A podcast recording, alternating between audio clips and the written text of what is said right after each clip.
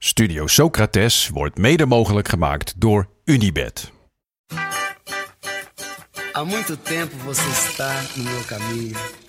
Como posso esquecer?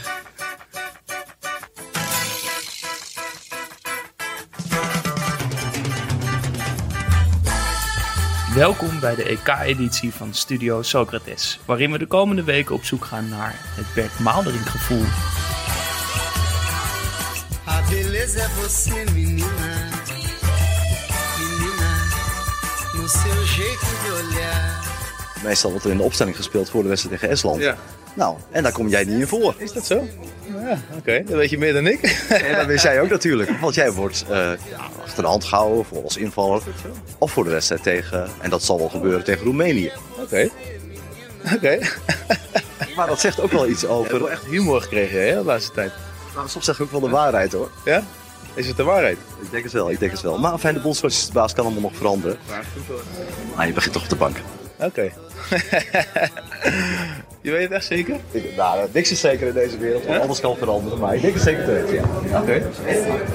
Wil je nog een wetenschappelijk doen? Is zo van de wedden, want dan moet ze altijd meteen iets opstaan en zo. Dat hoeft van mij niet. Je jekkie. Nee, die wil ik niet kwijt. Nee, Je jekkie niet gaan erop zetten. We gaan je jekkie erop zetten. Maar dan moet je hem wel dragen. Je moet je hem wel? wel dragen. Hè? Dat kan. Maar dan wacht wil ik je in publiek met dat shirt zien. Zetten ons jekkie zetten we in.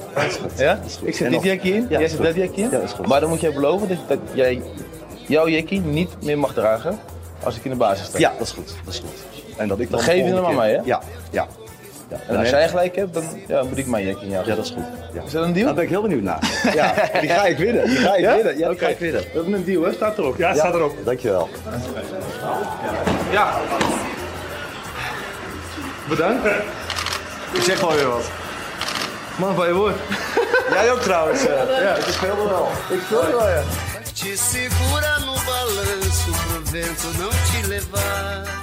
Als zelfs Oekraïne, Noord-Macedonië en Finland-Rusland leuke wedstrijden zijn, dan weet je, dit is een goed EK. Om drie uur knip je de televisie aan en ben je getuige van een aaneenschakeling aan Bert Maalderink momentjes. Op het veld, zoals de 1-2 goal van Berardi en Locatelli en de entree van Kevin de Bruyne, op de Belg treffend omschreven als de maizena van het Belgische elftal. Maar ook buiten het veld, met Vieira en Kien als analistenduo en de eeuwige linnen overhemdjes van Tom Egberts. De koek kan niet op, lijkt het wel. Maar, juichen we te vroeg? Of is dit EK echt alles waar je op hoopt als podcastmaker en voetballiefhebber? Ja, goede vraag. Want eh, ik ben voor het eerst, kijk ik een EK als podcastmaker. en ik smil ervan. Ja, toch? Ja. Ja, tot nu toe is het wel alles waar je op hoopt eigenlijk. Ja, Toch? ja zeker. En ik heb ook het idee dat ik meegroei met het toernooi eigenlijk, als kijker. Jij bent een toernooi-podcastmaker. Jij bent een beetje de Duitser in de, van de podcastmakers. Nou, ik heb het gewoon het gevoel dat ik als kijker ook gewoon in bloedvorm raak. Kijk, in het begin miste ik af en toe wat wedstrijden en wat analyses. En Studio Europa sloeg ik dan over. Of eh, even een keertje naar buiten toe in plaats van voetbal kijken.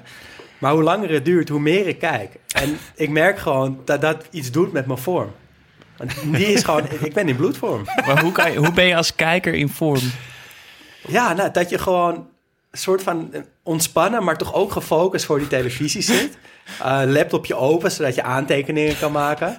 En nou, ik heb echt plezier in alle wedstrijden eigenlijk. Dus Ja. dat, daar, daar merk ik dat ik als kijker gewoon in, in topvorm ben. Ja, dat deel ik ook. Ik zit in mijn eentje dan helemaal in die EK-high eh, voetbal te kijken. Inderdaad, om drie uur. Eh, en dat is geweldig. En, en die podcast helpt natuurlijk wel. Omdat als een soort, Ja. nog een soort drijvende kracht van... ik wil ook niks missen. Ik wil al die verhalen ook volgen. En alle andere teams alle verhalen van weten. En normaal ben je natuurlijk alleen fanatiek op Nederland. Maar nu heb ik, ben ik zo aan het hele, over de hele breedte van het EK. Maar jongens, doen jullie dit nu expres? Dat jullie even aan gaan tonen, aan gaan geven hoe goed jullie je voelen. Omdat ik echt groen en geel zie. En over hoe goed het met jullie gaat. Terwijl ik hier echt murderbrak zit te zijn. En, en me schuldig voel dat ik niet genoeg heb voorbereid. Nou, dat is natuurlijk wel goed dat jij dat een beetje voelt. Eh, maar we nemen dit dus nu op vrijdagochtend op. Dus als het goed is, lu- luister je dit ook op vrijdagmiddag. Ja. Eh, en jij bent uiteraard brak van het oranje kijken. Ja, ik had eh, voor het eerst in tijden eh, een, eh, een momentje voor mezelf. Met mijn vrienden, bier gedronken en voetbal gekeken. Gewoon echt ouderwets, dus niet als podcast maken. Ik zag wel net in mijn telefoon dat ik nog wat aantekeningen had gemaakt... zoals Depay speelt een 2, Wout Weghorst misschien nog wel minder. Ehm, En je was toch wel scherp dus tijdens het kijken? Want Tijdens het dat- kijken nog wel, ja, maar- Dat klopte wel ongeveer. Ja, toen waren de jegertjes nog niet. Ah. eh, de jegertrain was nog niet langs geweest. En eh, ah, ik werd eh, vanochtend wakker en eh, ik dacht, wow, die jegertrain is ook over mijn hoofd gereden. Dus eh, ja, het zo goed als ik in vorm was aan het begin van het toernooi. Ik heb echt alle, alles gekeken. Ik heb nog steeds wel alles gekeken, maar... eh, Jij zit in een dipje eigenlijk. Ik zit eigenlijk in een wak, dus ik heb jullie wel een beetje nodig vandaag, boys. Ja. We, we trekken je er doorheen. Dat is lief Ehm, van jullie. Hoe, eh, hoe gaat het in, eerst even in algemene zin met het toernooi? En het, hoe, hoe, hoe, bevalt het? Zeg maar, wat voor een toernooi is het? Nou, Vorige keer hebben we het gehad over de verbondenheid die, die er... Ja, ik, ik was van tevoren voor, voor twee dingen bang. Dat, dat die poolwedstrijden een beetje veredelde oefenwedstrijden zouden zijn. Ehm, Omdat er zo weinig teams afvallen. Ja, uiteindelijk gaan er echt maar heel weinig teams uit, omdat die beste nummers drie. Dat, ik merk dat me dat niet zo heel veel uitmaakt. Het zijn uiteindelijk, als die bal rolt, dan, dan gaat het er gewoon om. En, eh, en ja, er is toch gewoon een kans dat je eruit gaat. Dus, dus ja, hè. Eh, en ik was een beetje huiverachtig over het feit dat, dat het dus in al die landen was. Maar eigenlijk vind ik dat best leuk. Voor Eh, herhaling vatbaar Ja, wel, ook- ja. er zijn wel een aantal stadions, vind ik echt jammer, eh, dat ze voor stadions hebben gekozen met een sintelbaan. Ja, maar, Dat dat snap is- ik gewoon maar er zit wel ook nog heel veel verschil in. Want, die, want Stadio Olimpico heeft dat ook. Maar daar vind ik het totaal niet storend. Ehm, maar bijvoorbeeld in Spanje, van eh, Real Betis, geloof ik, dat het Sevilla- stadion is. is het, Sevilla. oh ja, het is in ieder geval in Sevilla. Ja, ik weet niet of het van Nee, het Betis is of van, van, eh, eh, Sevilla is. Het is volgens mij van Real Betis Sevilla. Sanchez Pizjuan, Ja, maar dat is van Sevilla. En dat is echt een... Nou ja, dat is, het ziet er gewoon echt niet uit. En in Baku ziet het er ook niet uit. Ja, dan, dan heb je maar sowieso best... Baku. Ja, ja. Ja, dat is een beetje gek. Ja. Maar bijvoorbeeld het stadion in Kopenhagen is, is weer echt te gek. Ja. Ehm, Wembley is natuurlijk gruwelijk. Budapest in het, met, met al die Ja. mensen op de tribune was ook mooi. Ja, zeker. Ja, en er is ook nog discussie waar de finale gespeeld gaat worden. Hè? Want, Oh, eh, Ja. eh, het- ze willen het graag op Wembley, maar dat, vanwege de quarantaineregels in Engeland is het heel moeilijk om, om alle officials die dan ook mee moeten voor 24 uur in Engeland te krijgen. Want daar is Boris Johnson nu mee bezig, want ze willen ten koste Ah. wat het kost. Die finale op Wembley, dat is, heeft dat misschien wel de grootste allure, toch? Ja, Ja. tuurlijk. Ehm, maar eh, als dat niet lukt, gaat het dus of waarschijnlijk naar Portugal of naar Hongarije. Ja, volgens mij... Omdat daar eh, 55.000 man in mogen. Omdat ze daar gewoon een of andere verknipte di- dictator hebben. Ja. Die eh, lekker wat Sputnik 5 erin heeft gegooid. Oké, nou.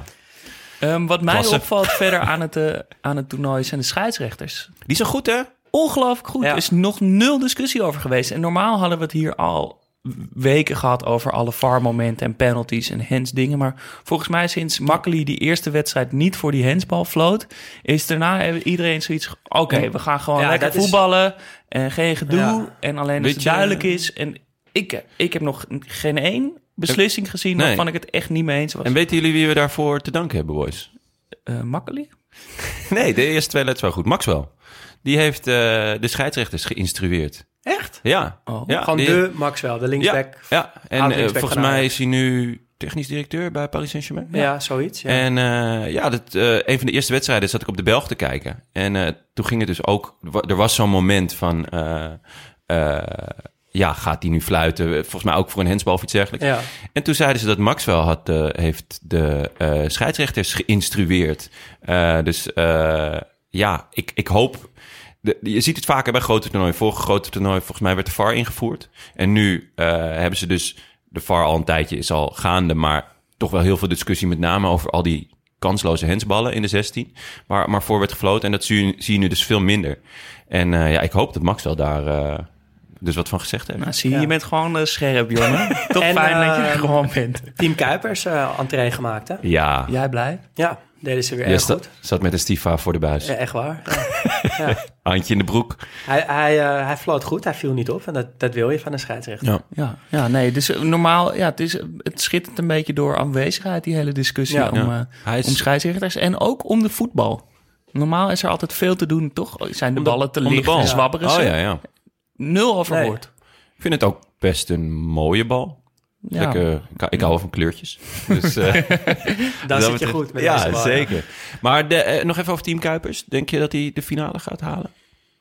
Nou, dat zou wel echt te gek zijn als een Nederlander de openingswedstrijd heeft gedaan, eh, Makkeli dus, en Ja. dan een andere Nederlander de finale. Ja, want hij... Maar juist omdat Makkeli die openingswedstrijd heeft gedaan, denk ik niet dat ze de, eind, de eindstrijd ook aan een Nederlander gaan geven. Nee? Nee, ik denk het niet. Hij verdient het natuurlijk wel. Makkeli, speculeerde, spe- speculeerde er namelijk al op. Hè? Ja? Die zei van ja, omdat Kuipers... Hij, hij- dit was pas zijn eerste Ja, wedstrijd, terwijl Makkeli er al hij twee heeft. werd pas En dat doet- ingezet. En dat doet UEFA wel vaker. Dat ze dan eh, ja, hem wat later in het Nou ja, toernooi eh, Kuipers inzetten. groeit dus ook in het toernooi.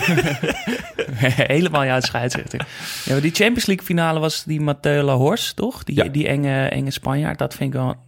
Die valt een beetje buiten de toon, vind ik. Het is toch een beetje een losgeslagen is- eh, heet hoofd. Ja, die maar ik vond die, eh, die kale. Duitser, die eh, Frankrijk, Duitsland... Of nee, hij is niet Duits. Turk. Die, die kale, die vond ik goed. Nou ja, goed. Laten we het er niet ze zijn gewoon hebben. goed. We Ja, zijn- gewoon we- goed. Het niveau ligt hoog. Ja. We gaan naar het Bert Maalderink gevoel. Ehm, eerst is nog even een korte, nog even kort uitleggen wat we ermee bedoelen, want het is misschien niet even duidelijk. Maar het gaat dus niet letterlijk Bert Maalderink die we zoeken, niet zijn reportages, maar we, we zoeken eigenlijk wat Bert Maalderink zo goed doet in zijn reportages bij bijvoorbeeld gesloten trainingen, is dat hij door een kier in het hek nog net een detail kan zien en dat kan heel mooi kan op, opblazen, zeg maar. Ja, of, Dus van- het van niet iets maken. Ja, ik vind Dat, dat vind ik echt de kern, inderdaad. Van Ja. niets iets maken. En dat kan ook dus bijvoorbeeld die goal van Chic zijn. Toch? Die maakt van, een, ja, van Ja. niets maakt hij iets. Dus het Ja, kan ook op het voetbalveld gebeuren. Maar ook naast het veld gewoon alles waarvan je denkt... dit verdient aandacht in de uitzending. Stuur het ons toe. En ik moet zeggen... Jij zegt, eh, misschien eh, is het nog niet duidelijk... maar we, we hebben echt een, heel wat inzendingen gehad. Dus volgens mij eh, snappen ze het wel. Ja, nee, zeker. Ik ben heel trots op onze luisteraars. We kregen veel, veel dingen ingezonden. Dank daarvoor. Maar we, gaan, we kunnen niet alles eh, behandelen.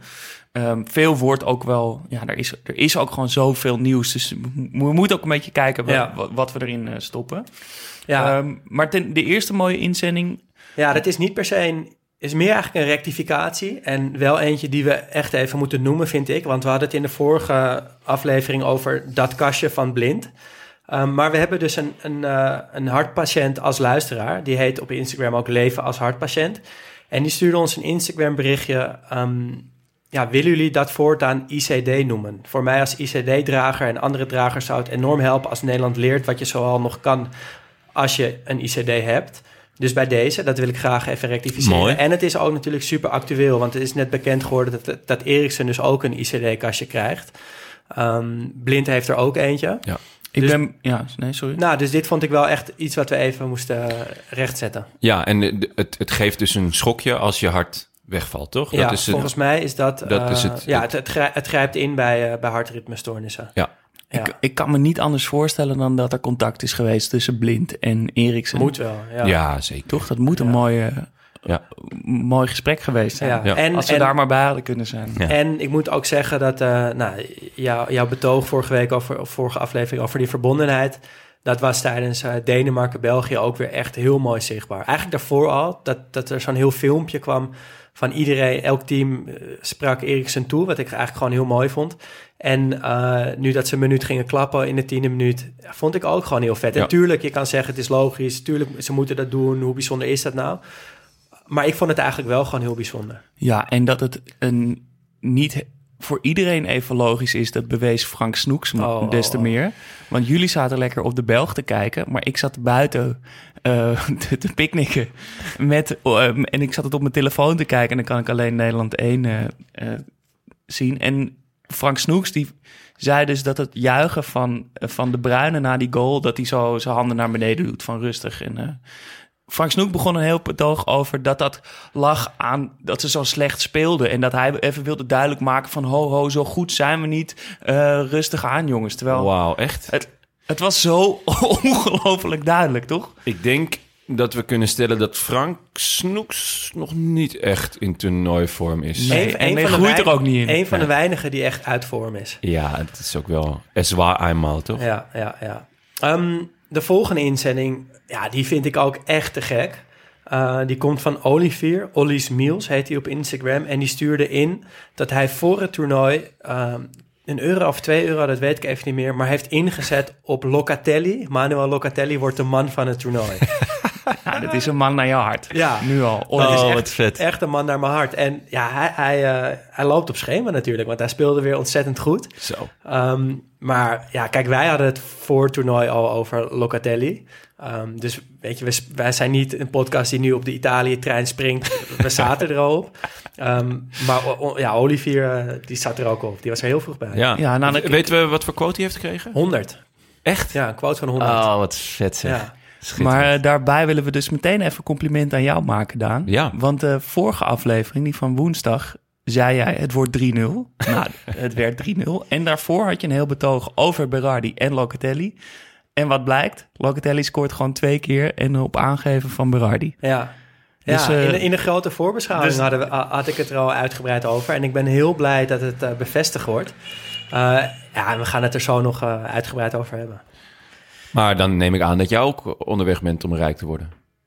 Nou, nee. Je hebt het niet verzilverd. Nee. Oh, Nee. ongelukkig. nee. ongelukkig. Maar en dat terwijl je je- zo in vorm bent. Ja, als jullie het maar weten. Dat is genoeg van mij. Ja, dat is genoeg voor Ja, jou. dat is genoeg. Eh, dan hadden we het vorige week ook over het, het Italiaanse voetbalmuseum in Florence. Ja, en Rick Lindeman die stuurde daar een, eh, een voice memo eh, op. waarin hij dus vertelde dat hij daar, daarheen is geweest. En dat het echt een Italiaans voetbalmuseum naar zijn hart was. Hij was de enige in het hele museum. Er waren wat oude mannetjes die, ja, die daar werkten en die hem rondleidden. Eh, hij had volgens mij over een plakkaat uit 1924 wat hij daar gezien heeft. En hij hoopte, en dat vond ik eigenlijk nog wel het mooiste, dat het nu niet ontploft nu ze ook op social media te vinden zijn. Maar dat het gewoon zo'n oud stoffig klein Ja. museumtje Ja, blijft. vet. Heel leuk. En dan als laatste kregen we nog een, eh, een, een inzending door eh Curano eh, Martin. En zijn dochter eh, Jimmy van 10 had buiten zijn weten om eh, een, een voorspellende kat. Die, zij is dus tien jaar oud en ze had twee eh, bakjes met voer neergezet... met een vlaggetje van Nederland en een vlaggetje van Oostenrijk. En ze ging kijken uit welk bakje de kat ging eten. En die voorspelde het goed. Oh, Dus die vet. gaan we in de gaten houden of die, eh, of die de nieuwe octopus eh Ja, wordt. we- Of want- Hoe heet die octopus ook? Ja. Ik wou net vragen, wie, wie is jullie favoriete voorspellende dier ooit? Maar dat is natuurlijk Octopus Paul. Ja, dat, er is Lijkt- er maar één, toch? Nee, elke, elke Ja. toernooi is er toch wel weer een dier Ja, dat gewoon maar heel... ik ben toch wel blij dat ze daar in de serieuze voetbaljournalistiek van zijn afgestapt. Maar wij kunnen dat toch volle bak Ja, adopteren? We hadden ook hond Messi, toch? Die, Ja. eh, die eh, in Ja. een bepaald hokje ging eh, zitten. Nou goed, Ja. Ehm, dank voor al die inzendingen. Blijf ons dat vooral sturen via Vriend van de Show of eh, Instagram. En word vriend, hè? vergeet het niet. Ja. Ja. Daar komen we straks komen we ook weer Ja. onze nieuwe vrienden. Gaan we die nog even uitgebreid bedanken. Maar niet voordat we hebben geluisterd naar onze favoriete Bert Maalderink momenten. En laten we maar met onze brakste eh podcaster beginnen. Voordat ik over mijn nek ga, bedoel je? Ja, precies. Nu je misschien nog wat waard bent. Nee, ja, wij, ik was eh, dus bij een vriend van me die vandaag jarig is. Joey, van harte gefeliciteerd. En ehm, hij organiseerde de wedstrijd gisteren. En hij heeft dat buitengewoon bekwaam gedaan. Hij had buiten een beamer opgehangen. eh, en een doek gespannen. En eh, het was echt... eh, het beeld was vlijmscherp. Via een laptop werd het dan weer geprojecteerd. En ja, als je via je laptop kijkt, dan weet je dat je ook wel afhankelijk bent van wifi.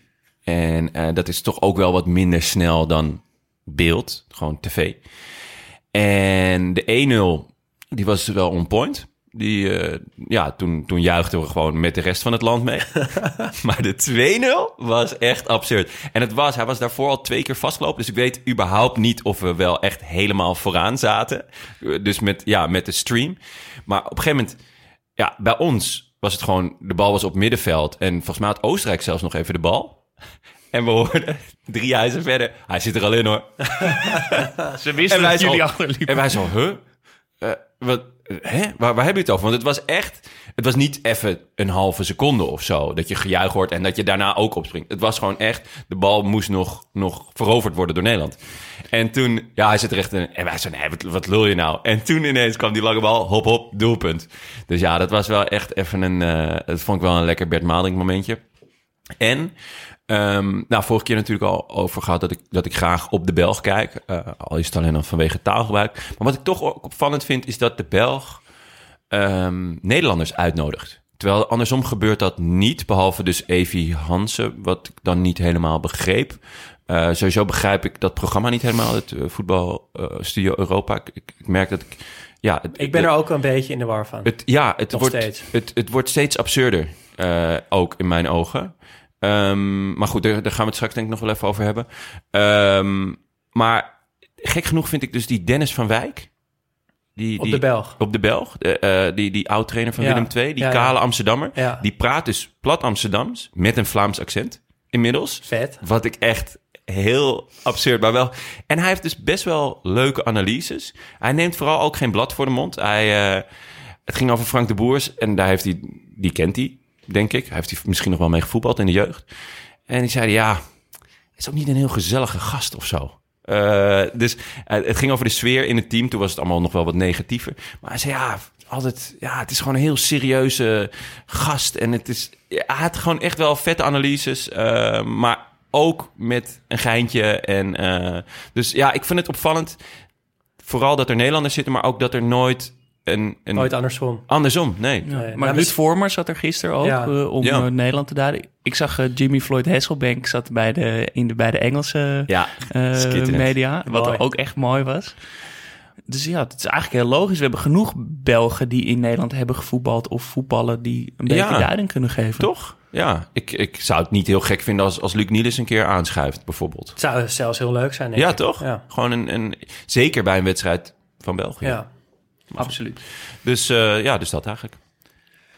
Nou, en jullie dan- boys? Hoe eh, gaat het met jullie Bert Maalderink gevoel? Nou goed, ik zit er helemaal in. Ik heb natuurlijk weer een klein lijstje. Eh, ik wou beginnen met, en ik wil niet het, het, het gras voor jouw voeten wegmaaien, Daan, maar met, de, met Italië. Want ik heb er echt van genoten. Wat waren ze goed, hè? Wat waren ze goed en met zoveel intensiteit en maar Ja. blijven gaan. En toen, dat deed me denken aan eh, Bielsa, Ja. aan de voetbalmachine die hij van Leeds heeft gemaakt.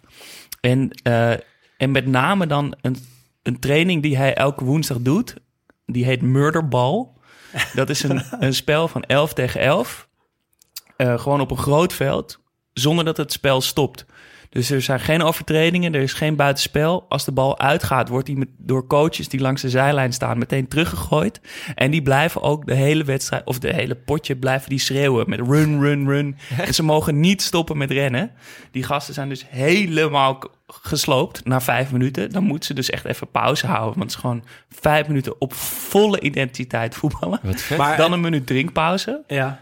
tactische bespreking van Bielsa, die op elk detail let. En dan weer, en dan doen ze dus vier keer vijf minuten ongeveer. En in die twintig minuten die ze dan in totaal doen, rennen ze meer en sprinten ze meer dan in een gewone wedstrijd. En ze zeggen, de, al die spelers zeggen allemaal, ja, een wedstrijd is echt een eitje Maar vergeleken echt? met murderbal. Dit werkt dus echt, want ik zag een statistiek van Leeds aan het eind van het Premier League seizoen.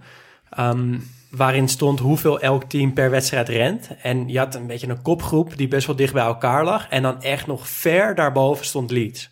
Ja? Dus die rennen by far het meest van, eh, van iedereen in de Premier League. Ja, en als je Spinazzola tekeer zag gaan, dan, Zo, dan ja. moet dat wel, dan moet Bielsa hier wel invloed op hebben Ja. gehad met dat murderbal. Het zal me niks verbazen als ze dat, eh, als ze dat spelen. En het wordt ook meer overgenomen door andere clubs. eh, Ja. Het murderbal. vet. Klinkt ook gewoon Ja, goed. het klinkt heel goed. Ehm, dan nog iets over Italië. En dat is dat Daan niet alleen een groot fan van Berardi is, maar ook qua motoriek. Ja, ik heb Daan een paar keer op schokkerige YouTube-filmpjes zien voetballen en een paar keer op een pleintje. Maar qua motoriek is het bijna identiek. Jij lijkt gewoon heel erg op Berardi. Nou, je, je bent niet de eerste die het zegt ook, moet ik eerlijk bekennen. Ik Je kreeg glundert er wel bij. Nou, eh, dit is het mooi. Kijk, iemand, eh, Gijs, eh, Gijs van de derde helft, andere voetbalpodcast, die appte mij dit ook toen hij Italië zat te kijken. En die zegt, eh, ja, hoe vaak heb je het al gehoord? Je, je motoriek en je manier van voetballen lijkt zo op dat van Berardi. Nou, en ik glunder nu, maar toen ik dat appje kreeg, toen, ja, toen wist ik niet meer waar ik het moest zoeken. Want dit is voor mij natuurlijk het allergrootste compliment wat Ja. ik kan krijgen. En nou ja, qua voetbal denk ik dat het nog wel redelijk meevalt, want we spelen wel op een andere positie. Maar dat van die motoriek, dat snap ik eigenlijk wel. Ja, want, hoge schouders ja, en een soort pas of zo. Ik weet niet. ja, ik, een beetje... een beetje houterig. Nou, wel een klein beetje. Hoekig, van- hoekig. is het woord. Ja. ja. Hoekig en misschien dan toch ook wel een beetje sierlijk tegelijk of zo. En dat, ja. Ja. dat is... eh, Heb je ooit rechtsbuiten gespeeld? Nou, in een heel ver verleden. Ja, Niks voor jou. nee. Ik wil meer de bal hebben. Nou, toch, ja, nee, mooie compliment. En ik ga kijken of ik, het, of ik een mooie soort compilatie, side-by-side compilatie op eh, Oh, Instagram ja. kan Dat zetten. vet dat iedereen het even kan zien. Ja, maar dan moet ik even goede beelden vandaan opzoeken. Maar goed, dat gaat er we ook wel even maken, toch? Gaan we even een middagje filmen? Ga eens rennen, Daan. Nodigen we Berardi ook even uit. En dan wil ik het toch ook nog heel even over de shirts hebben. Want we kregen daar ook eh, nog inzendingen over. Ja. O- Over dat, ja, de ongelooflijk lelijke shirts. Vooral van Zwitserland, maar ook gisteren met Oostenrijk. Het ziet er Ja, het is Uit- echt eh Puma. Puma valt gewoon enorm uit de toon. ja, alsof je een vuilniszak hebt en daar zo'n gat in knipt en over je kop trekt. Zo, toch, het is gewoon een soort grote Crafted by gat. culture. Ja, het, is, het ziet er niet uit. En dan hebben ze bij Zwitserland hebben ze ook nog eens het idee gehad om alle namen zonder hoofdletters te schrijven. Ja, Nou, dat kan ik gewoon. Ik als grafisch ja nee, natuurlijk. Ik Pak- zeg het gewoon. Pak je moment. Ja, wat is dat nou voor een keuze? Ik begrijp, daar begrijp ik echt helemaal niks van. Ik Nee, het is, het is, heel het is raar. Dat je een lelijk model shirt hebt, ja, is gewoon heel kut. Maar dat je dan ook nog eens dit Ja. soort stomme dingen gaat Maar doen. eerlijk gezegd snap ik daar dus ook niks van. Want waarom is het zo dat Adidas en Nike en Puma één model kiezen en die een beetje aanpassen voor alle landen? Ja. Er werken zoveel goede ontwerpers bij die merken. Waarom kan je niet voor elk land een, een uniek shirt designen? Dat snap ik gewoon echt niet. Ik, nou ja, het is... Dat is niet helemaal waar. De, de meeste shirts, ik ben, eh, ik ben hier voor toernooi ingedoken, zijn echt wel eh, per land gemaakt. Behalve dus die van Puma. Ja, die zijn allemaal Ja, maar echt... dat thuisshirt echt- van Italië is wel, is wel redelijk normaal. Nee, maar het bijvoorbeeld uitshirt is, dat de- is dat model. De, de- weet je, dat uitshirt van eh, Duitsland, dat model met die kraag en zo. Ja. En, en eh, dat is precies hetzelfde als alle andere Adidas shirts. Alleen dan is de kleur gewoon anders. Ja, nee, maar het thuisshirt van Duitsland, dat ik overigens net besteld heb, kon me niet inhouden, ehm, is echt wel heel wezenlijk anders dan bijvoorbeeld het shirt van België. Wat ook Ja, Adidas is. nou, het is, ik Ehm, vind het gewoon zonde dat ze niet Nee, klopt. gewoon, het, eh, het, het, kan nog, het kan echt nog veel meer verschillen. Maar ehm, eh, bijvoorbeeld de, die, die graphics van Nederland en die zwarte streep... dat is wel wezenlijk anders dan, dan de andere Nike-shirts. die graphics wel, maar die, die streep aan de zijkant zit ook weer bij Engeland bijvoorbeeld.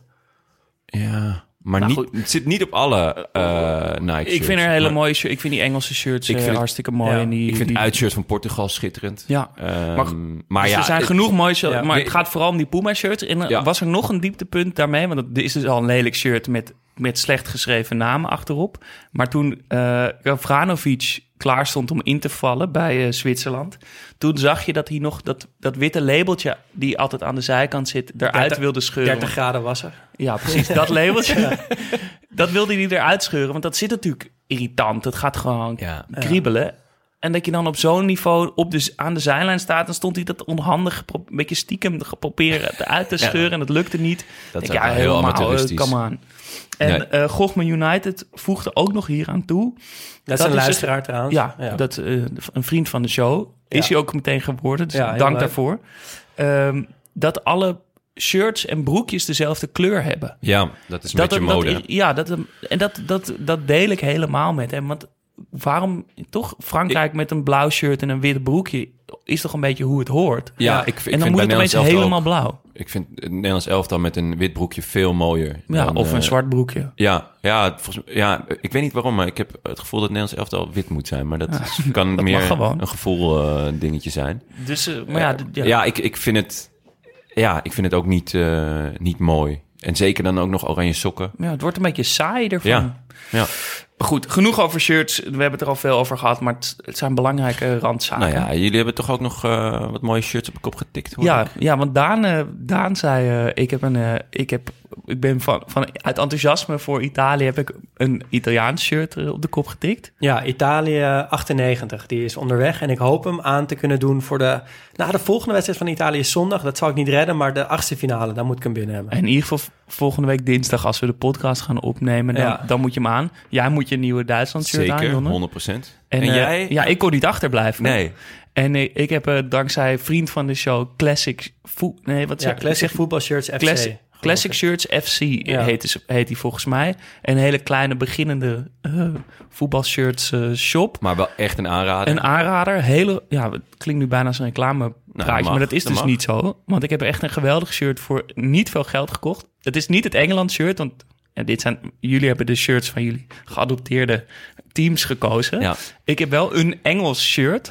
En jullie hebben dit natuurlijk allemaal meteen op je netvlies staan. Het Blackpool uitshirt 97, 98. Helemaal wit met een geweldig Umbro eh, eh, kraagje en ding. En er staat in het fel oranje de Seasiders op, wat hun bijnaam is. En die zal ik ook volgende Ja. keer, als we de podcast gaan opnemen, zullen gaan we even alle drie ons shirt aandoen. En eh, zetten we een foto online. Heel vet. Eh, dus dank daarvoor, voor dat mooie shirt.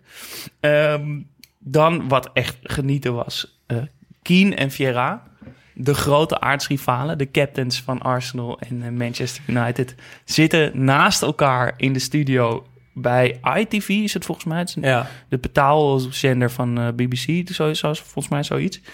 Maar dit kan je allemaal op YouTube terugkijken. En die analyseren daar de wedstrijden. Maar niet Na- alleen de wedstrijd. maar niet alleen de wedstrijd, want het gaat dus op een gegeven moment over dat tunnelincident Ja. waar we het over hebben gehad in de uitzending over Manchester United 99. Ja. Eh, dat ze dus in de tunnel voor de wedstrijd elkaar al aan het, aan het sarren zijn. En zij reageren daarop en ze vertellen daarover.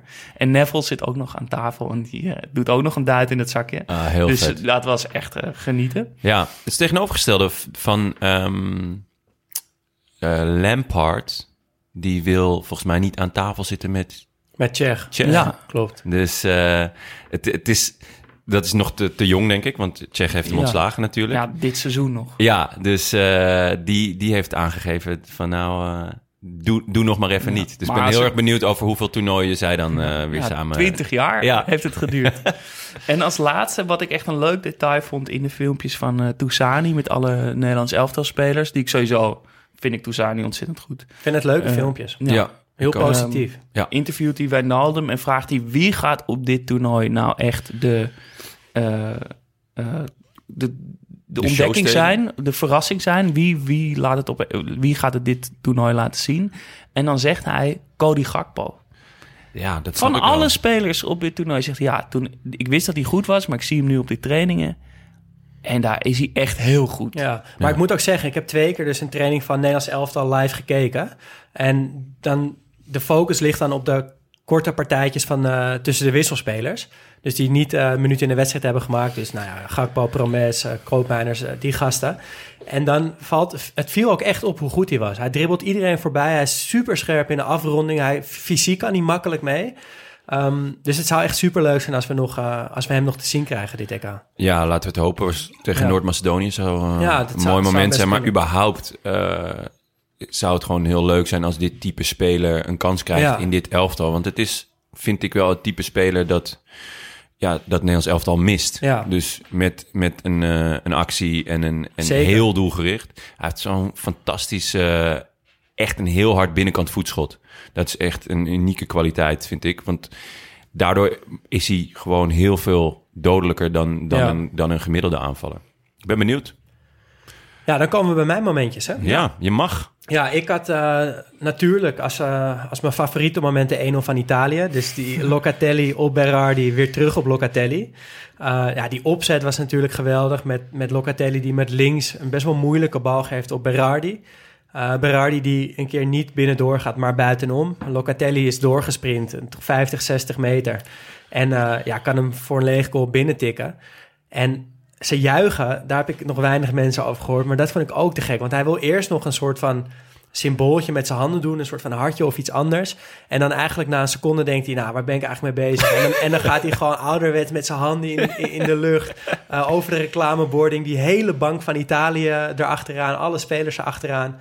Ehm, Even voor de luisteraars, eh, Daan doet het ook voor nu. ja, en nou, dus dat was echt eh, mijn favoriete moment van, eh, nou ja, sinds de vorige aflevering. En wat ik ook heel mooi vond, ook bij Italië, was de invalbeurt van Acerbi. Die hebben we in de voorbeschouwingsaflevering besproken. Ehm, ja, dat zal ik even nog een keer kort vertellen. Hij, in 2014 werd er dus teelbalkanker bij hem geconstateerd. Tijdens de chemoperiode die volgde... eh, vertelde hij, nou in de ochtend had ik dan chemotherapie, in de middag ging ik een beetje slapen en s'avonds uh, schroefde ik gewoon, nou, net als John heeft gedaan, uh, mijn kop eraf en ging ik gewoon alleen maar feesten. dat was zijn manier om, om om te gaan met die ziekte. Totdat hij na een jaar wakker werd, een keer wakker werd in de ochtend en dacht van shit, wat ben ik aan het doen? Ik ben mijn carrière en eigenlijk mijn leven aan het vergooien. de knop is omgegaan, hij is hersteld van die ziekte. Hij heeft een transfer gemaakt van Sassuolo naar Lazio. Uh, en zit dus nu in de EK-selectie. En maakte dus ook nog eens zijn debuut op het EK in zijn eigen stadion. Nou, ik vond het echt zo'n mooi moment. Um, heel vervelend voor Chiellini, maar zo vet voor hem. En het zou best wel kunnen dat hij blijft staan, want hij deed, uh, hij deed zeker naar behoren. Ja, ja en Chiellini liep met zo'n enorme brace om zijn been. Dus het zal zomaar kunnen betekenen dat hij ook ja. niet meer in actie gaat komen. Ja. ja. En dan nog mijn laatste momentje. Um, daar wil ik eigenlijk mezelf even rectificeren, want ik heb de vorige aflevering Snijder en Van der Vaart allebei afgeschilderd als nou, niet zulke goede analisten. Uh, terwijl ik Snijder eigenlijk pas één keer had gezien en dat was die keer met Van der Vaart. Ja. En toen, dat vond ik echt niks. Maar nu zat hij zonder Van der Vaart en analyseerde hij de 0-1 van uh, Frankrijk tegen Duitsland. En iedereen was heel lovend over die paas van Pogba. Dat was mazzel, toch? Nou, het was geen mazzel, maar wat Snijder heel, heel goed zei... van Pogba die uh, mist de kans om Mbappé weg te steken. In plaats daarvan neemt hij hem aan, neemt hij hem nog een keer aan, neemt hij hem nog een keer aan. En dan paast hij de bal met heel mooi, met veel effect naar de linksback. Maar eigenlijk ligt de oplossing al in het één keer raken naar Mbappé, die dan zo door kan lopen uh, op goal. En Sneijder kon het heel goed uitleggen, ook nog met de kaats van Benzema die daar aan, vooraf gaat. Hij zegt, ja, Benzema kaatst die bal omdat hij weet dat Pogba dan die bal op Mbappé kan geven. Nou, dat liet hij dan na. Um, en hieruit ja, blijkt voor mij wel dat Snijder er toch wel echt kijk op heeft en een goede analist is. Want dit, dit soort ja, best wel diepte-analyses heb ik van Van der Vaart echt nog niet gezien. Uh, en Snijder deed dat, ja, deed dat supergoed. Ja, ja ik, ik vind het sowieso moeilijk. We hadden het er net al even over, maar dat uh, uh, Studio Europa. Ja. Ik denk dat het überhaupt heel moeilijk is om daar analist te zijn. Omdat je komt gewoon niet zo heel veel aan het woord.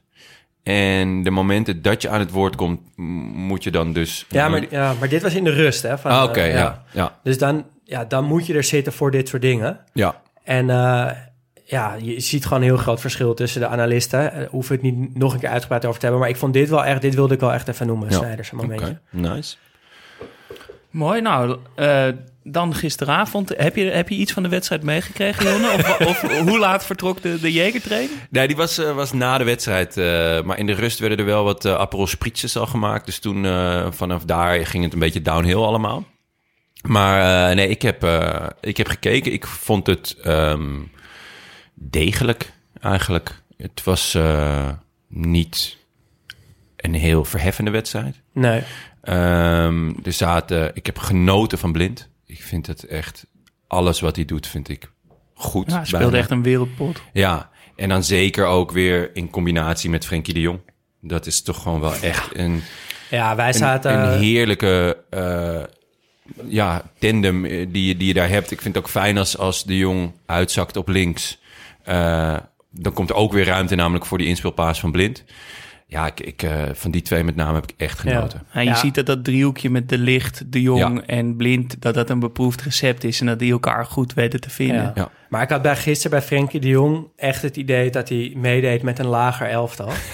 ja, wat je in de jeugd dan ziet, weet je wel, dat iemand van de B1 dan op zondag nog voor de lol meedoet met de B3. Ja. En dan veruit de beste is. En dat had ik echt bij Frenkie de Jong. Die kon gewoon soms even wegdraaien of even versnellen. Dat je dacht van ja, dit is gewoon... Hij speelt een andere wedstrijd. En dat ja. vond ik wel heel bijzonder om te zien. Um, ja, dan wil ik ook... Ik werd heel blij van Malen, die invalbeurt. Zo, ja. jij net vertelde, zo'n type speler met Gakpo. Malen... die hebben we echt nodig. En dat denk ik dus ook. En dan nog heel even terugkomend op Weghorst, voor wie er erin kwam. Bij Weghorst, dat vind ik... Ik heb het idee dat hij bestuurd wordt door een PlayStation controller zonder analoge stick. Dus met alleen de pijltjes. Hij kan gewoon vier kanten op. ja.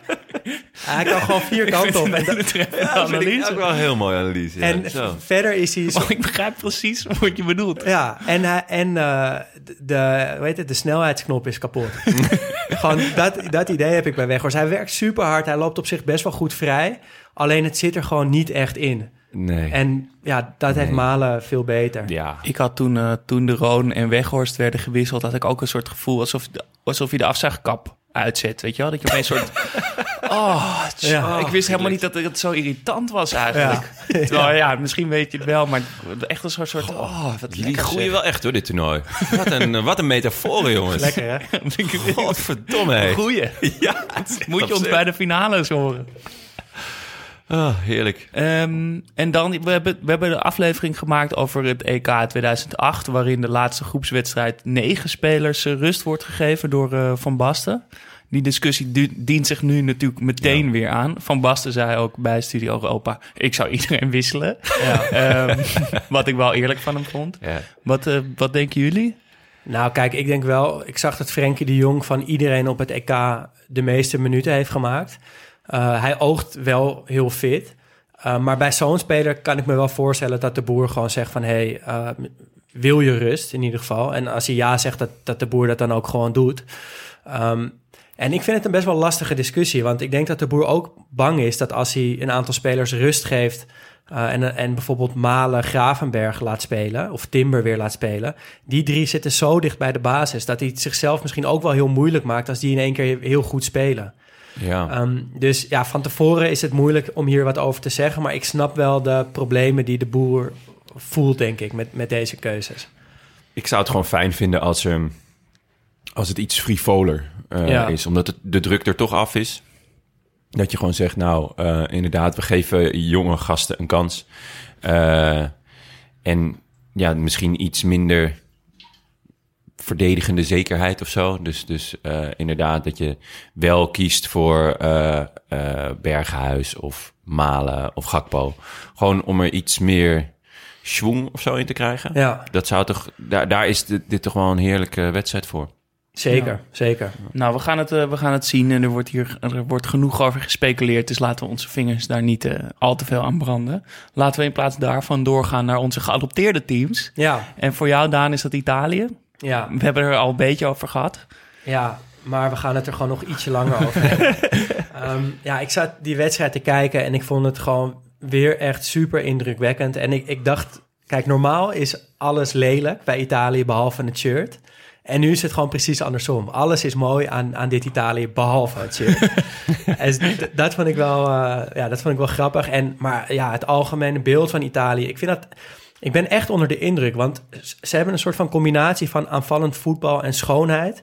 Um, met onoverzettelijk, die, on, onoverzettelijkheid, die ik eigenlijk nog, misschien wel nog nooit heb gezien. Want vaak als je kiest voor heel aanvallend voetbal, dan boet je wat in in die onoverzettelijkheid en dat verdedigende aspect. Andersom geldt precies hetzelfde. Maar bij Italië lijkt het gewoon samen te gaan. En dat, dat vind ik echt heel bijzonder om te zien. Um, en als je, die, als je die ploeg een beetje ontleedt, dan, ja, dan is het echt heel goed. Want nou, Donnarumma is een hele goede keeper. Maar ik heb iets gezien wat ik voor een keeper, voor een meevoetballende keeper eigenlijk het, het ultieme vind. Namelijk dat als uh, je als keeper de bal hebt en er wordt druk gezet, dus je kan niet je verdedigers inspelen, dat je een soort van vallende bal op je middenvelder ja, speelt. Ja, ja, ja. Dus niet eens op je spits, maar gewoon een vallende bal over 30 meter op je middenvelder, waardoor meteen vier, vijf spelers van de tegenpartij zijn uitgespeeld. Nou, dat doet, dat doet Donnarumma gewoon. Dat is echt, echt vet om te zien. En verdedigend, ja, ze zijn gewoon, die laatste vier zijn sterk, maar ook die omschakelmomenten dat je Insigne en Berardi ziet terugsprinten aan naar balvlies. Dat is echt, echt mooi om te zien. En ja, die, die tandem, we hebben het al vorig jaar ook even genoemd, die Spinazzola, Insigne, werkt verdedigend dus ook gewoon. Aanvallend werkt het goed, maar verdedigend ook. Ja, ik vind wel, uh, want op de Belg zat dus Van Wijk Ja. en die analyseerde uh, Bonucci. Ja, En dan met name zijn inspeelpaas. Ja. En dat is natuurlijk best wel raar, want daar staat hij niet per se onbekend. Maar hij deed dus wat, wat Blind ook echt heel goed kan. Dus wachten en dan wel die pasen doorheen durven geven. En Van Wijk haalde iets van drie of vier momenten eruit... dat hij daarmee gewoon vijf man Ja. letterlijk uitspeelde. Ja. Dan ineens, wat jij net zegt met die vallende bal van de keeper, van Donnarumma. Hij deed dit nou, een keer of vier, vijf tussen de linies door. Ja. En dan was Italië gewoon weg. Ja. wa- Het stond gewoon ineens Maar- 30 meter aanvallend op uh, uh, de helft van de tegenstander. maar dat komt ook echt door de manier van opbouwen. Want die twee verdedigers gaan in de 16 staan. De middenvelders komen dan zo ver in de bal dat er een soort van heel gat op het middenveld ontstaat. En als je dan snel die bal er doorheen durft te spelen, wat Bonucci dus inderdaad telkens doet, ja, dan komt Berardi tussen de linies vrij, Insigne komt vrij, Immobiel komt in de bal. Is Klopt. En dan echt ligt er ook knap. zoveel ruimte ineens eh, voor die middenvelders om aan te sluiten. Ja, Ja. smullen. Echt smullen. En nog één eh, leuk feitje over, over Locatelli. Ehm, dit seizoen in de Serie A was hij de speler die het meest één keer raakte. dus, en dat zie je nu ook wel heel Wat een vaak. geweldige een statistiek dat ze dat bijhouden. Ja, dus hij, het vaakst, hij is degene die heel vaak kiest voor een, in één keer een paas vooruit. Want bijna alles Ja. gaat ook vooruit. En ja, dat hebben we ook nog niet benoemd. Maar het blijft toch ook wel heel bijzonder dat hij en Berardi bij Sassuolo spelen. Want dat is een, een hele kleine club, maar echt nog veel kleiner eigenlijk dan ik dacht. Er, wo- er wonen maar 40.000 mensen in, in dat dorp dus. Gewoon, die passen allemaal in Stadio Olimpico en dan twee keer. dat is toch dat is Ja. zo- alsof wij opeens twee spelers van, eh, nou weet ik veel, van een superkleine club in de Eredivisie in het Nederlandse elftal bespelen. Ik vind het echt, eh. Ja. echt bijzonder. Ja, dus ik heb echt heel erg genoten van Italië. En ehm, ja, hier en daar om, om- me heen in andere podcasts en op tv hoor je dan van ja, ik moet het nog maar zien als ze tegen een goede tegenstander spelen. Dit, dat, zo. Is ook wel zo, maar ik wil daar gewoon helemaal niet aan denken. We genieten, ja, we genieten Ja. gewoon van Italië elke wedstrijd weer en we zien het wel. Ja. Het begint al bij het volkslied. Ja, Ja, dat is Ja, waar. Dat gaat dat- met dat- dezelfde intensiteit als de, de Ja. hele wedstrijd. Ja, dat is echt... Dan weet je gelijk ook van... Oh, dit wordt een lekkere wedstrijd. Ja. En dan eh, Duitsland. Duitsland, Duitsland doet bij alles. Ja, Want ik- je was behoorlijk enthousiast over ze. Ja, en dat ben ik eigenlijk nog steeds. Eh, ze hebben verloren van Frankrijk. Dat is geen schande. zeker. Ehm, maar ik vond, eh, over leuk voetbal gesproken eh, en over hoog niveau... Ik vond het, denk ik, qua niveau de hoogste, het hoogste niveau van, van dit EK tot nu toe. Gewoon als je kijkt naar intensiteit en tempo... en ook twee ploegen die ontzettend aan elkaar gewaagd waren. Maar ik vond Duitsland wel heel veel leukere intentie hebben op het Ja. veld dan, dan Frankrijk. Frankrijk is echt countervoetbal. En dan, dan ben ik nog positief. Ja. Want ze zakken echt ver in. En ze hebben gewoon heel veel snelheid met Mbappé natuurlijk. En gewoon een goede spits met, eh, met Benzema. Ik vond Pogba fenomenaal. Zo heb ik hem al heel lang niet meer gezien bij Manchester United. ja, ik ben echt, ik vind het een verschrikkelijke voetballer. Maar, ook. maar hij speelde voor zijn doen inderdaad best wel goed. Maar dat komt dus omdat hij in mijn ogen veel dienender speelt dan hij bij Manchester, Manchester United speelt. Bij Manchester United denkt hij dat hij een soort spelmaker is of, of, of, of nummer 10. Ehm, terwijl hier speelde hij echt als een zes. Dus als, als, eigenlijk als Vieira in zijn beste dagen. En dat deed hij echt fantastisch. Ehm, wel ook net wat je zegt, dat hij... eh, ehm, zijn zijn handelingssnelheid vind ja, ik nog veel steeds... balcontacten nodig. Ja, hij heeft echt veel balcontact. Dat zag je ook met die afgekeurde goal. Dat hij moest hij drie keer die bal controleren. Terwijl Ja. op rechts... eh, wie, wie ging er nou op rechts? al? Mbappé. Mbappé. Ja, Mbappé. Niet de minste. Ja, die, die had, had hem al drie keer eerder moeten geven. Dan is het ook gewoon een doelpunt. Ehm, maar Duitsland... Ja, ik heb, ik heb wel genoten. Ik vond eigenlijk de enige die ik niet goed vond... eh, en ja, ik vond het al wonderbaarlijk dat hij bij de selectie zat... en dat hij dan ook nog speelt, is die Gozens. Die- ze hebben niet zoveel smaken daar. nou ja, ik zou persoonlijk voor Emre Can gaan. Dus eh, Ja, dan staat hij wel met zijn verkeerde been daar, maar ja, misschien, eh, misschien past dat wel. ja, ehm, de- de- toen hij erin kwam namelijk, vond ik dat er, dat er nog meer voetbal in kwam. Ehm, ik vond wel dat Duitsland, de, de intentie was er, alleen ze missen Ja, ze missen wel Ze iets. missen? Dat een voelde ik ook een beetje. Je mist toch wel iets. Ja, ehm, ik vond het heel opvallend dat Sané er niet in stond. Eh, maar dat vind ik altijd. Maar eh, toen kreeg ik daarna... eh, Hij viel dramatisch in. hij viel dramatisch in. En ik vind, ik, hij, mocht, hij mocht ook niet altijd meedoen bij City. Bij Bayern is het dit jaar ook nog niet helemaal uitgekomen. En toen kwam ik erachter dat hij een enorme tatoeage van zichzelf op zijn rug heeft. En Ja. toen dacht ik, oh, het is gewoon een gekkie. Dus eh, ik snap ineens waarom hij niet mee mag doen. Het is gewoon een absolute mafklapper. Ja. Want ja, ik, ja, ik heb geen Hij is, tatoeages. hij is heel lelijk ook, hè, die tatoeage. ja, echt. Maar dat is gewoon van zijn hoofd. Nee. Zoals de Nou, paai een leeuw op nee, zijn rug Het is heeft. nog erger. Het, Hij is het, aan is, het- het is een moment dat hij juicht in een wedstrijd van City tegen Monaco. Die wedstrijd hebben ze ook nog eens verloren. En van een goal die hij in die wedstrijd maakt... dat hij volgens mij omhoog springt en een beetje met zijn vuist omhoog... en dan met die tribune op de achtergrond... daar heeft hij een, echt gewoon nou, rug groot, gewoon over zijn hele rug. ja. Zo. Ja, ik, ik heb geen tatoeages.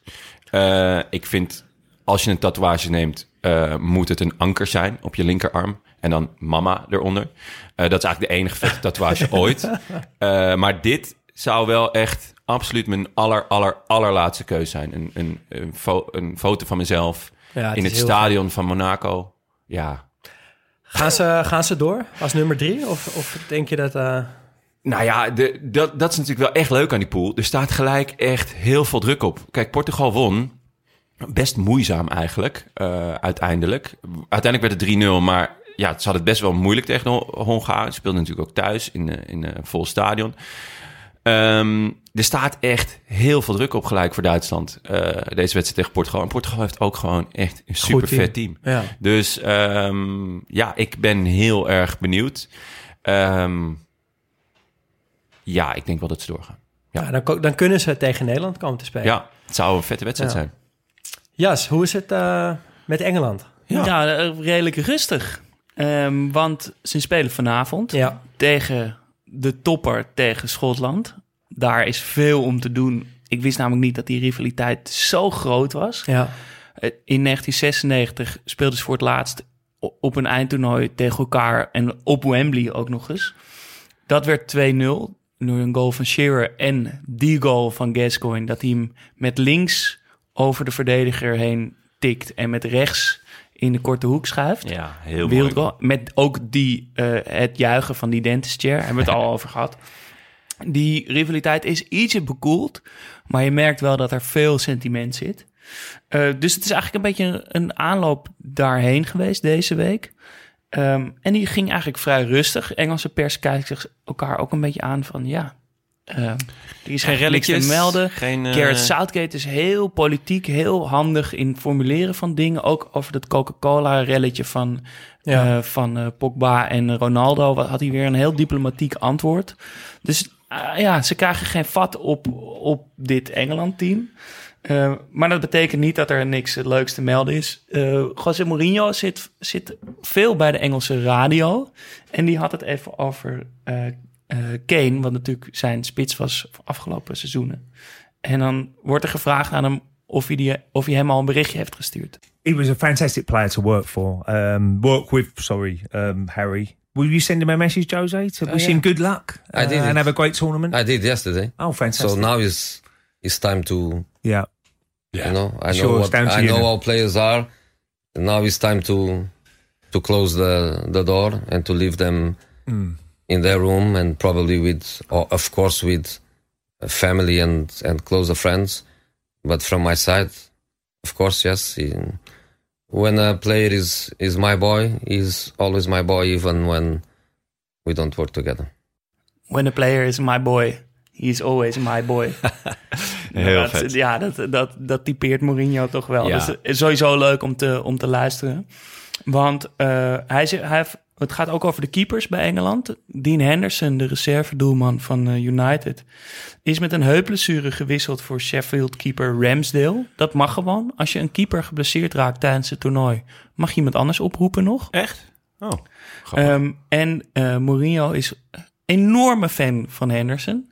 Die zegt, wat mij betreft mag, moet hij alles spelen. Ook bij eh, United, maar ook bij, bij Engeland. Vindt hij Pickford helemaal niks. Ehm, en ook eh, Mourinho roept om Grealish. Het hele land, maar dus, en als zelfs Mourinho het zegt, dan, eh, dan is, is het wel helemaal erg. Ehm, ja, en eh, daar zijn we het natuurlijk helemaal mee eens. Dat Grealish goed kan voetballen, staat, is, ja, daar staat geen, is geen twijfel om. Maar dat het een slimme jongen is, dat is zeker niet zo. Want hij krijgt hier een vraag in een interview. en daaruit blijkt dat hij toch niet de, de slimste is. You mentioned I'm going to get onto the winning winning the thing in a minute, but Dean Smith also says you're an encyclopedia of football. Where, where does that come from? A what? An encyclopedia of football. I don't know what that means. This an ency- we know what an encyclopedia is. So basically, you have an, an encyclopedic knowledge of football, so you know everything there is to know about football. So an encyclopedia is a book that has descriptions of every word and thing and everything else in it. And that in terms of football, you have an encyclopedic knowledge. Oh, um, yeah, no, I just I love watching football. Um, Nou, Ik vind het als je iemand een encyclopedie noemt en dan en weet die- niet hij weet niet wat een encyclopedie is, dan ja, dan doe je ook als journalist iets niet goed, toch? Nee, maar je ziet hem dus... Zij legt dus uit... Zo van... Nee, je hebt een encyclopedische kennis van voetbal. En dan zie je hem dus nog steeds zo met zo'n lege blik in zijn ogen zo... Sorry, ik begrijp niet wat je bedoelt. En dan moet zij dus door. En op een gegeven moment halverwege die uitleg heeft zij door... dat hij helemaal niet weet wat een encyclopedie is. Ah, heel vet. Nou, maar goed. Maar ik vind, Wat- nog even over Grealish, want ik vind het eigenlijk wel opmerkelijk dat, hij- dat de roep om hem zo groot is. Want hij, het is een speler van Aston Villa. Hij is het hele jaar bijna geblesseerd geweest. Dus ze hebben superveel goede spelers. Ik vind dat echt opvallend. Maar ik denk dus dat het komt omdat hij een soort van... Hij heeft die working class mentality een beetje. Van hij geeft alles voor voetbal. En hij is een soort van halve Geordie Shore-achtig type. Dus volgens mij vindt Engeland hem daarom gewoon zo vet. Hij heeft het in dit interview trouwens ook veel over zijn haar. Ja, precies. Hij vindt dat hij het, beste haar van de Premier League heeft. Ja, en de beste De- wenkbrauwen, want die zijn gewoon geëpileerd. ja. Maar hij heeft wel Ja, echt een waanzinnige voetballer. En ik hoop dat we hem gaan zien, want ik ben wel een groot fan. Ehm, Maar dus, er was geen wedstrijd deze week, maar er was dus in Engeland veel focus op Wales. Is natuurlijk ook een soort onderdeel van, eh, van Engeland. En die wonnen 2-0 van Turkije door een opgeleefde Bale en eh, Ramsey, die ook eh, vooral de tandem met Bale eh, heel goed was. Ja, Maar ik wil het er daarin heel even over Kiefer Moore hebben. Ja, Nu al de Will Griggs van dit toernooi. ja. Eh, echt een cultheld bij uitstek. Er wordt ook veel geroepen, we want more. Wat natuurlijk al geweldig is. Maar als je kijkt naar zijn carrière, dan, dan bestaan sprookjes om, nog steeds. En eh, kunnen wij ook nog blijven dromen. Want hij is 28 en komt, ja, hij heeft een carrière, ik ga het even opnoemen. Begon bij Peyton Saints op het 14e niveau van Engeland. wauw. Daarna kwam een rijtje. Truro City, Dorchester Town, Yeovil Town, een uitstapje van een jaar naar Noorwegen bij Viking. Ja, dat is sowieso al vet. Ja, dat is heel vet. Forest Green Rovers, Torquay United. En toen maakte hij een beetje, ging hij een beetje omhoog naar eh, Ipswich Town, Rotherham United, Barnsley, Wigan Athletic en op dit moment Cardiff City. Nou, dat zijn echt allemaal Ja. laagvliegers, maar echte cultclips. Dit seizoen in de Championship, wat echt een goede competitie is, maken die dus voor Cardiff 20 goals. Zo. Dus hij blijft maar beter worden. Was in het begin naast zijn eh, carrière als voetballer ook badmeester en personal trainer. En ja, en dat, dat bewijst toch dat er gewoon altijd hoop is dat je gewoon de held van Wales kan je- worden op, dat- op zo'n EK. Maar dat maakt, vind ik, landenvoetbal ook zo mooi. Dat Ja. zo iemand in, in hetzelfde team kan voetballen als Garrett Bale. Een soort Ja, van dat ja. verschil is zo groot. Nou, en in clubteams heb je dat natuurlijk niet. En Nee. om dat nog even duidelijk te maken. Toen Bale al 700.000 pond per week verdiende bij Real, verdiende hij 70 pond per week. En hij heeft, heeft hij nu niet vaker gescoord, dit EK, dan Bale? Ja, zeker. Eh, En, maar En- je, je slaat het allervetste feitje over. Zie ik hier staan. wat dan? Dat hij vernoemd is naar Kiefer Sutherland? in Ja, 24. 24. De vetste serie ooit gemaakt. nou, nou, nou. Ja, met afstand. En eh, dat hij gewoon... daar wel jammer, dat- ik had hem dan wel Jack genoemd. Gewoon naar Jack Bauer. maar Kiefer alsnog heel vet. Ja, ehm, en dan nog meer leuke feitjes. Toen Wales vorig EK zo ver kwam, speelde hij dus nog bij Forest Green Rovers op het in de League 2. Dus dat is het. Even kijken, je hebt Vierde niveau, Vierde toch? niveau van Ja, Engeland. Ja, Nou, dat is ongelooflijk. absurd. Maar hij, hij mag voor Wales, hij is geboren in Engeland, maar hij mag voor Wales uitkomen omdat zijn opa in Wales geboren is. Eh, maar toen hij opgeroepen werd, moest hij dat nog wel even eh, bewijzen. En moest het geboortecertificaat van zijn opa gezocht worden. Maar die was kwijt. en hij moest dus. En toen zijn ze bijna een jaar bezig geweest met de hele familie om alle zolders en kelders en archiefkasten door, te doorzoeken. En toen hebben ze dus, nou echt een aantal maanden pas, hebben ze dat ding ergens op zolder gevonden. Wat en mocht vet. hij mee naar Hoe Wales. blij ben je Oh, dan ook? Ja, anders was hij dus, Oh, had hij hier niet wauw. gestaan. En eh, ja, het is toch een, het is Heel een bewijs van dat je, als je hard blijft werken, dat, je, Mm. dat, je, dat er iets gaat komen. Zowel naast het veld als op het veld. Want dat hij hard werkt, dat staat buiten kijf. Vorige wedstrijd eindigde hij met zo'n grote tulband. Scoorde hij een geweldige kopbal trouwens ook. Ja. En eh, deze wedstrijd eindigde hij met een prop watten in zijn neus. Dat is echt zo'n eh, zo'n speler. Past perfect. Dus eh, ik ben heel benieuwd hoe hij de volgende wedstrijd tegen Italië gaat Ik doen. ook. Nog, nog een heel eh, gek gerucht over Bill. Dat hij gaat stoppen na dit eh, toernooi en gaat golfen. Ja, dat is volgens mij best wel een serieus gerucht. Dat is een serieus gerucht, hè? Ja. Ja, maar ik, ja, ik, weet, ik vind het zo moeilijk, want hij kan zo ongelooflijk lekker voetballen. Maar, Maar hij maakt ook wel heel vaak echt een ongeïnteresseerde indruk. precies, hij lijkt er gewoon geen lol in te hebben. Nee. dus als hij er wel lol in heeft, zoals Ja. die vorige wedstrijd, dan is hij dus Ja. waanzinnig. Ja, Ja, behalve dan natuurlijk die penalty. Hadden jullie gezien het tweetje van Gary Lineker? Ja. ja. ja, die was leuk, ja. Eh, Gary Lineker die eh tweette dat, er, eh, dat de bal gevonden was bij hem in de tuin. En toen zag je een bal in zijn tuin neer, Ja, een, paar honderd kilometer Ja. verderop. Eh, heel vet. Ehm Nou, mooi, Zover maar- over, eh over Wales. Ja, maar ik, Ja. ik heb nu wel... ik ga, ga het met nog meer belangstelling volgen. Maar Ja, het wordt wel vet. een duel. Kiefer Moore tegen Bonucci. Ja, Ja. ja, dit gaat gewoon gebeuren zondag, hè? Ik, ik zit er klaar voor. Classic. vet. Ja, Ehm, nog even wat, los van onze, onze teams, wat, wat spelers die ons zijn opgevallen. Nou, ik was heel benieuwd naar Benzema en Mbappé samen. Ehm, kwam nog niet 100% uit de verf, maar ik zag wel dat ze qua kwaliteiten best wel goed op elkaar afgestemd zijn. ja. Want Benzema trekt een beetje weg, eh, is goed in de combinatie, waardoor Mbappé gewoon of diep weg eroverheen kan sprinten of die combinatie met Benzema kan zoeken. En ze lijken het elkaar ook heel erg te gunnen. Dus ik, wil, ik ben wel echt heel eh, gretig eigenlijk om daar meer van te zien. Komen jullie een beetje terug van jullie mening over Benzema? Jullie ja, hebben allebei gezegd dat jullie, dat jullie hem niet begrijpen, dat het zo'n goede spits is. Nou, dat ook weer niet. Maar dat, dat ik hem toch niet helemaal schaar onder de beste spitsen van de wereld. En nou ja, ik, weet niet of ik ervan terugkom eigenlijk. Ik ook niet. Ik, ben- ik ben gewoon geen fan. Maar wat, wat, eh, wat je zegt is leuk. Dat, dat dus die, die, die klik met Mbappé er wel is. Kijk, hij had natuurlijk ook een ontzettende klik met Ronaldo. En hij is als spits gewoon best wel dienend eigenlijk. Ja, maar Eh, dat, dat en vind ik dat wel is, heel knap. Dat is wel heel knap. Want ja, ja, ik kan me voorstellen dat hij ook best een ego heeft. Eh, en dat moet je dan toch gewoon opzij zetten. Ik bedoel, hij kan ook heel goed voetballen. Maar ja, het is ook wel goed om in te zien dat er iemand gewoon nog wel heel veel beter is. En Ja. misschien is dat wel zijn grootste kwaliteit. Dat hij gewoon, ja, dus wel die meters maakt, zodat zij nog beter zijn dan zal zij. Ja, heel bijzonder wel. Ja. Iemand die me nog meer echt opviel was eh Mikkel Damskaart. Gisteren tijdens Denemarken-België. Die speelde eigenlijk, eh, ja, omdat Eriksen natuurlijk niet kon spelen. En ik kende hem van naam, maar ik wist eigenlijk helemaal niks over hem. Maar het, ja, het is een speler van Sampdoria. Hij speelt dus in de Serie A. Onder onze grote vriend eh, Ranieri. Ding, ding, ding, ding, dong. Ja. dong.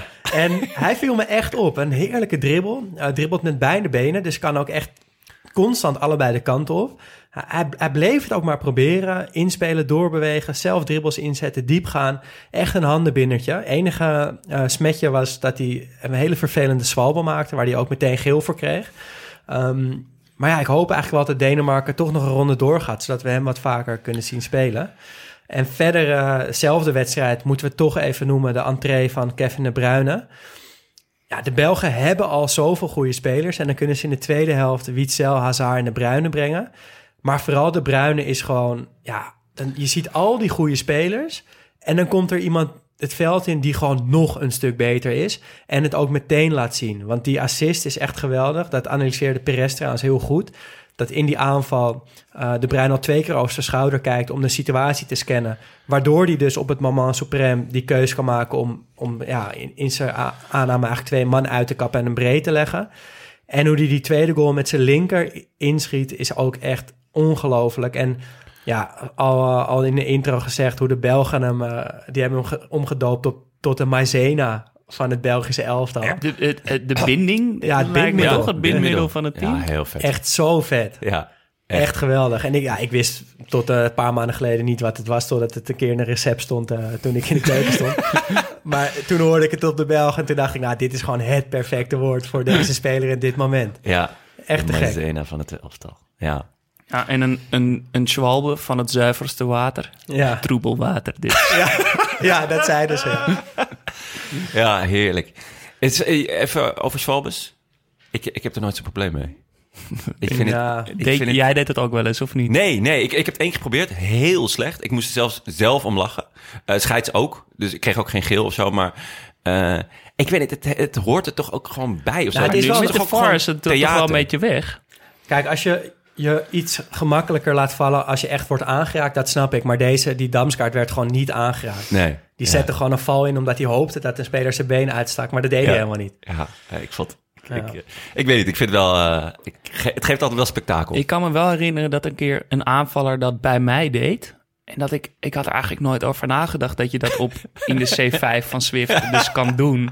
Dat dat tot de mogelijkheden. Ik Ja. weet nog dat ik vooral heel verbaasd was. Dacht, Oh ja, dat- deed hij dit nou echt? Ja. Ik hem zo aankeek van, oké, nou, dit is, is Kreeg- goed. werd ervoor gefloten? Ja, dat wel. Dat meen je niet? Ja. Oh, heel vet. Nou. Ja. Ehm, en dan nog één eh, ding wat jij wilde bespreken, Ja. Daan. Ja, ik eh, zag een artikel in het NRC langskomen. En dat sloot eigenlijk naadloos aan met onze analyse over de analyses en het hele gebeuren op de NOS, Studio Europa. Ehm, een stuk van Arjen Fortuyn, die vertelt dat ze zowel in België, Duitsland als Engeland echt met steengoede analyses komen tijdens de wedstrijden, waar, waar gewoon eh, ja, door middel van beelden en lijnen situaties worden geschetst en analyses worden gemaakt. En dat het in Nederland gewoon totaal achterblijft. Dat het gewoon ginnegappen is, dat het een soort van momentenanalyses zijn van oké, iemand rent een keer snel, dus hij zal wel heel snel zijn. En dat dat echt heel erg mist bij Nederland. En hij had getimed, hij zei ehm, eh, de dag van Nederland-Oostenrijk, eh, donderdag, eh, zes uur voetbal op de NOS. Drie minuten daarvan gingen echt, echt over voetbal, over inhoudelijke analyses. Ja. De rest ging gewoon, Malen moet erin voor Weghorst. Nee, Droom moet erin voor Gravenberg. Nee, die moet erin voor die. Ja. En dat is precies waar wij ons een beetje tegen verzetten. Van die, die lege meningen, maar neem gewoon de moeite om een goed betoog te houden over iets. Ja. en ik, Ja. ja. we missen dat dus alle drie heel erg. En we zijn niet de enige gelukkig. Ja, want- schep context. Ja. Geef ons als kijker dingen aan waar we, waar we naar kunnen kijken, die ons kunnen opvallen. Die, toch, doe Ja, je is- huiswerk, weet welke gewoon, spelers er zijn. ehm, er worden zoveel fouten gemaakt. Nou ja, en vooral eh, maak ons wijzer. Want hoe ja, meer maak je ons weet... wijzer en maak ons warm gewoon. Ja, maar want, want hoe meer je weet, eh, hoe meer je ziet ook. Dus ik vind bijvoorbeeld bij de Belg doen ze heel veel. eh, pakken ze beelden van boven, van de Spidercam. Eh, om, om te laten zien hoe een, hoe een team tactisch staat. Daardoor zie je dus eh, vanuit een heel ander perspectief zie je het veld. Dus je, je hangt er eigenlijk recht boven, maar ook vanuit, ehm, eh, vanuit de korte zijde bezien. Dus niet vanaf de zijkant. Eh, wat natuurlijk veel logischer is, omdat als speler kijk je ook niet vanaf de zijkant. Je, je, kijkt, je kijkt altijd vanaf de korte kant eigenlijk, omdat je een kant op voetbalt.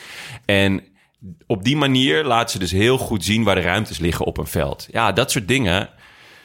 Ja, gebruik het gewoon. Ja. Het, eh, die, die mogelijkheid hebben ze. Dus eh, ja. Ja, ze zijn gewoon niet, eh, niet scherp. Dus come aan, jongens. Tandje Ta- erbij. Tandje erbij, we zeggen het nogmaals. Dan eh, aankomende week, want we zijn er eh, pas volgende week woensdag weer met een nieuwe aflevering. Waar gaan we deze week naar kijken? Sowieso vanavond zit ik helemaal klaar bij Engeland-Schotland. Ja, Ja, Wat een heerlijke, heerlijke pot wordt. Kan, niet- Ja, kan niet anders. En wij hebben die natuurlijk vorige, vorige Engeland-wedstrijd gemist... omdat we onze Studio Socrates quiz in de Nieuwe Liefde hadden. Dus ik heb echt heel veel zin om die wedstrijd te kijken. En het is natuurlijk gewoon een kraker van je welste... met heel veel rivaliteit, zoals je net al uitlegde. Portugal-Duitsland komt er ook aan. ja, dat wordt, eh, daar kijk ik echt enorm naar uit. Wat denk Ehm, jij, Jonne? Iets minder enthousiast over de kansen van Duitsland? Nee, eigenlijk niet. Ik denk dat ze gaan winnen. Ja. Ik heb dat shirt niet voor niets gekocht. Nee, het dat- heeft dat me, moet. Ja, het heeft me bakken met geld gekost. Maar dan, eh, dan kan je niet in de eerste ronde eruit. Maar het, zijn, het is dat witte met die horizontale zwarte strepen. ja, die heb en je de, gekocht. En, de, en, het, En een ja, vlaggetje. En een vlag op de mouwen. Ja, mooi. Echt, Mooi. Ik vind het echt een heel mooi shirt. Dan natuurlijk I- Italië-Wales. Ja, Nou, ik ben... eh, nou, je hebt me heel lekker gemaakt voor Wales ook. Dat vind ik leuk. En verder ben ik gewoon benieuwd wat Italië gaat doen. Ook qua rust geven, qua opstelling. Ehm, ik neem aan dat het wel gewoon weer echt heel leuk wordt om naar te kijken. Ehm, en ik, ja, ik, ik hoop dat mijn Italië-shirt dan binnen is. Ik denk het nog net niet. Eh, en natuurlijk Macedonië, Noord-Macedonië, Nederland. Ja, nou, hebben we het al over gehad. We- ja, gaan we het ook nog uitgebreid over hebben.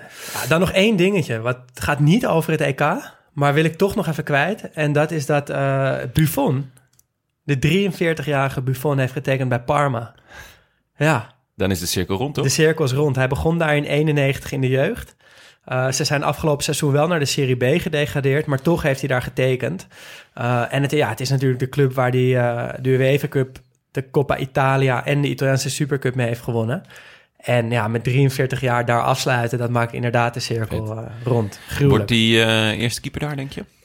Dat weet ik niet, maar ik denk het eigenlijk wel. Zo Ja. werd het wel een beetje aangekondigd. Lijkt me ook. Lijkt me ook. Dan, ehm, Het Bert Maalderink feitje, jongens. Ja, hij, eh, het feitje van deze week is dat hij al sinds 1993 voor Studio Sport werkt. Schitterend. Een beetje de Buffon van de groep dan. Ja, sluit er mooi op aan. verder nog even goed om te noemen, denk ik. We hebben uitsluitsel. Ja, Ach, gelukkig. De Maldini eh, van de Koel. Ja. nachten niet geslapen. Ja. vorige week kregen we een nieuwe vriend van de show. Die heette de Mandini van de Koel. En dat is dus eh, niemand anders dan eh, Niels Fleuren. Ja, dat zegt mij even dus helemaal Ja, niks. mij dus wel eigenlijk. Ja? Ja, het is volgens mij een rechtsback die heel lang bij VVV heeft gespeeld. De Maldini van de Koel. Ehm, en we hebben nieuwe vrienden van de show. Daar zijn we super blij mee. Eh Fatou Piet. Heerlijke Dankjewel. naam. Ja. Gochme United. David. En eh, Paul Nolens. Ja, en die stuurde ons op Instagram ook een heel mooi bericht. Dat hij eh, zijn liefde voor het spelletje beetje kwijt was. Dat hij zich had toegelegd op eh, wielrennen. Dankzij jou, Jonne. Ja, dankzij Hij was jou gevolgd.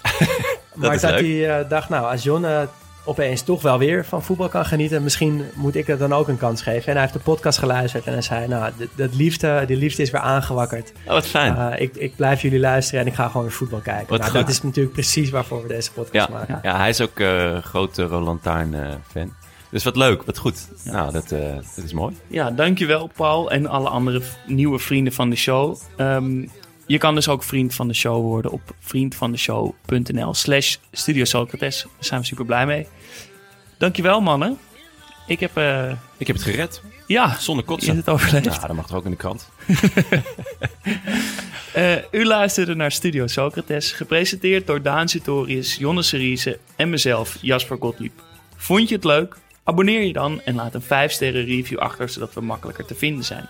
Maar, belangrijker nog, vind je het leuk dat we dit EK 2 in plaats van één aflevering per week gaan maken? Steun ons dan en word vriend van de show. Dat kan, zoals gezegd, via vriendvandeshow.nl slash Studio Socrates. En van elke nieuwe vriend worden we nog steeds heel, heel, heel, heel, heel erg blij. Ja, en- maar en wel we zijn, extra eh, bedrijf van Fatou Piet. Ja, maar naam, we zijn eh, bijna bij de 100 geloof ik. Dus eh nou, jongens, schiet even op. Oh, dan hebben we een mooie mijlpaal. Ja, en de honderdste die krijgt dan een...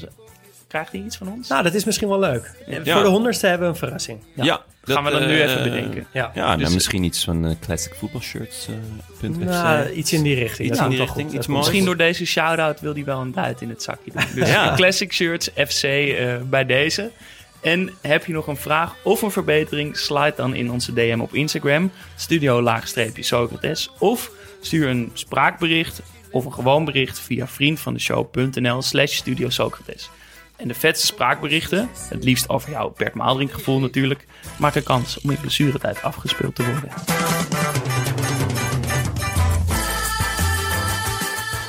Hallo mannen, hier Rick Liederman.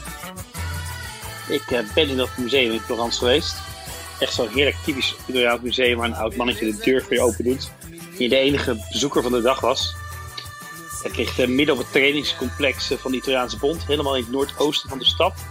Hier op de fiets heen, omdat ze beloofd hadden dat ze fietspaden hadden aangelegd. Het is een eh, interessante Italiaanse constatering. Ehm, en ik hoop eigenlijk niet dat het nu met de social media lancering gemoderniseerd is, want het was heerlijk ouderwets. En eh Amsterdam Steentje, daar hing ook een mooie plakkaat van de derde plaats in het Olympisch voetbaltoernooi in 1928. Goed, Rick. Todos querem te